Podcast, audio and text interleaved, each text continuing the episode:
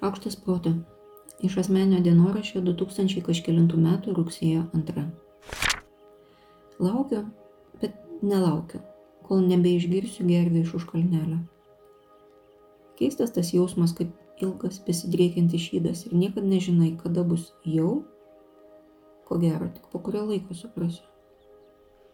Man norisi atsiminti, kad kitais kartais gervės išskrisdamos sušukdavo kažką panašaus į iki pasimatysim pavasarį.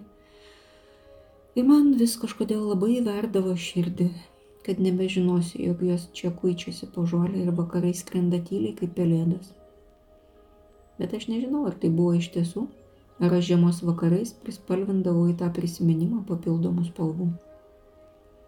Pavasarį būna paprasčiau ilgoje žiemos tyloje, kai baltame lape vis atsirandant naujoms spalvoms ir naujiems garsams. Vieną dieną dar tik zylės, o po to žiūrėjau ir varnienai, o po to visas miškas pragysta ir kiekvienas jau tada labai ryškus. Tiesa, gervės dar vis prasklendžia ir net kiek nesmagu dėl kažkokios išvirkščios melancholijos, kuri dar tik įvyks. Gal kai bus, tada jau ir bus liūdna. Ar aš čia taip suku jai minkštesnį lizdą, kad nebūtų taip gudu po to? Nežinau. Ir niekad turbūt nežinosiu.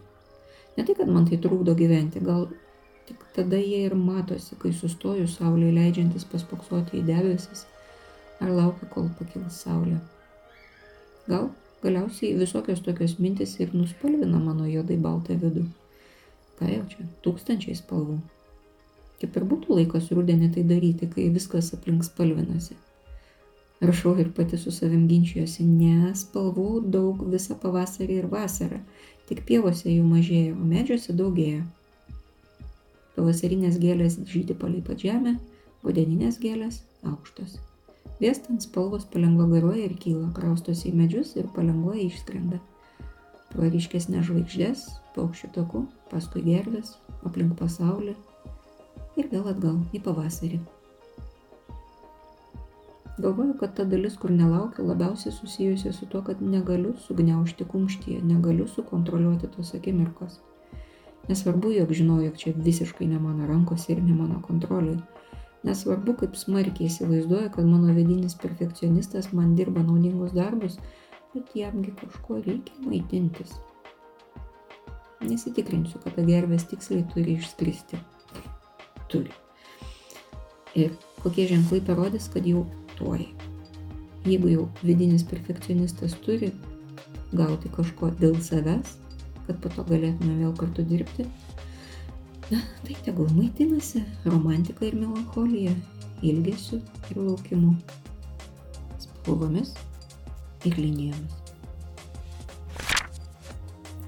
Aš Monika Kuzminskaitė, sveikatos ir mytybos psichologė Padedu spręsti kasdienius ir sudėtingus elgesio, mąstymo ir emocijų klausimus. Rašau, skaitau paskaitas, teikiu psichologinės konsultacijas. Mane rasit socialiniuose tinkluose vardu Šaukštas Proto ir gyvai Vilniuje Goštauto gatvėje. Rašykit man asmeninę žinutę socialiniuose tinkluose arba elektroniniu paštu adresu šaukštas.proto atgmail.com. Taikos ir ramybės.